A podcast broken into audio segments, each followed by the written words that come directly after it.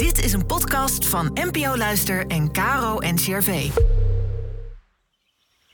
Welkom bij de Kloostercast. De podcast met antwoorden op alledaagse levensvragen vanuit de kloostertraditie. Inspiratie voor je dag.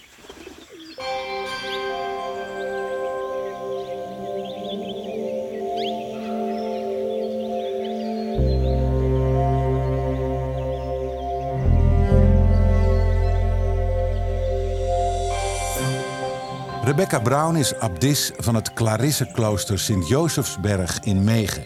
Ook wel Assisi aan de Maas genoemd. Ze leeft vanuit de Franciscaanse spiritualiteit en loopt graag op blote voeten.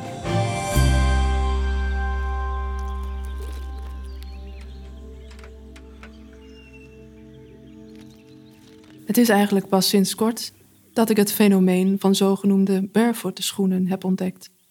Dat zijn schoenen of sandalen met een hele dunne zool, waarmee je zoveel mogelijk op dezelfde manier loopt als met blote voeten. In het Engels barefoot.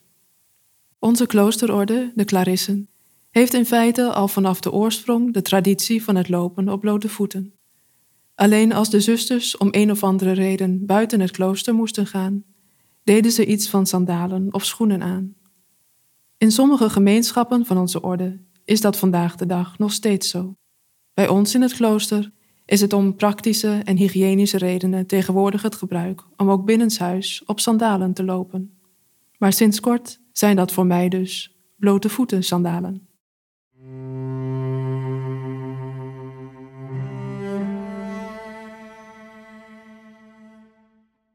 Als je op blote voeten loopt, sta je dicht bij de grond, in rechtstreeks contact met de aarde.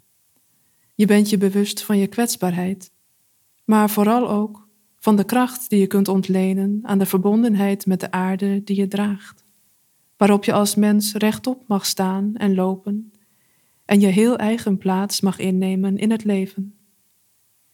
Het raakt dicht aan een term die voor onze stichters, Franciscus en Clara, centraal stond: nederigheid of deemoed. In de Latijnse benaming daarvan, humilitas, hoor je al het verband met de aarde, de humus waar je je voeten in plant. Deze nederigheid betekent niet jezelf wegcijferen. Eigenlijk in tegendeel. Het gaat erom te leven vanuit je eigen diepste wezen, zoals je door God geschapen bent, zonder beter te moeten zijn dan een ander. Ook zonder je druk te maken om wat men al dan niet van je vindt.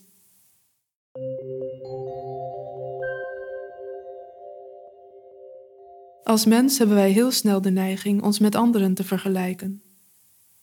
We raken verstrikt in de drang om steeds beter te zijn dan de ander. Of we raken juist verlamd door de overtuiging altijd tekort te schieten.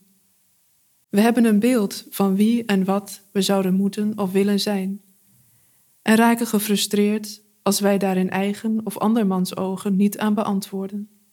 Ongemerkt is de mens naast ons dan geworden tot ofwel publiek dat voor ons moet applaudisseren, ofwel een concurrent in de strijd om erkenning en waardering. Voor echte relatie is dan geen ruimte meer. Je zit vast in een eenzame gevangenis waar je nooit echt kunt ontspannen.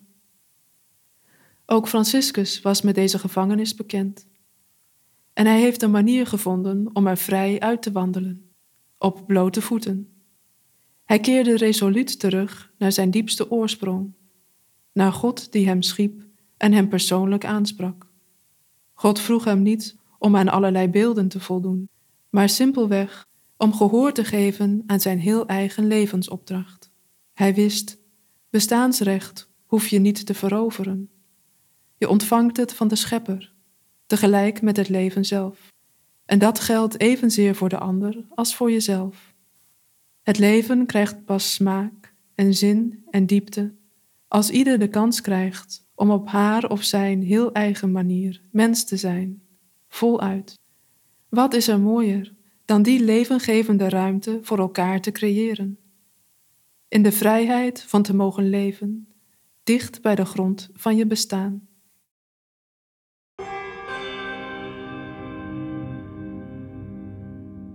Franciscus zegt het zelf zo.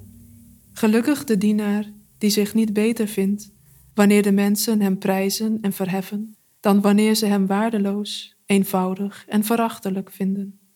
Want zoveel als een mens is in de ogen van God, zoveel is hij en meer niet.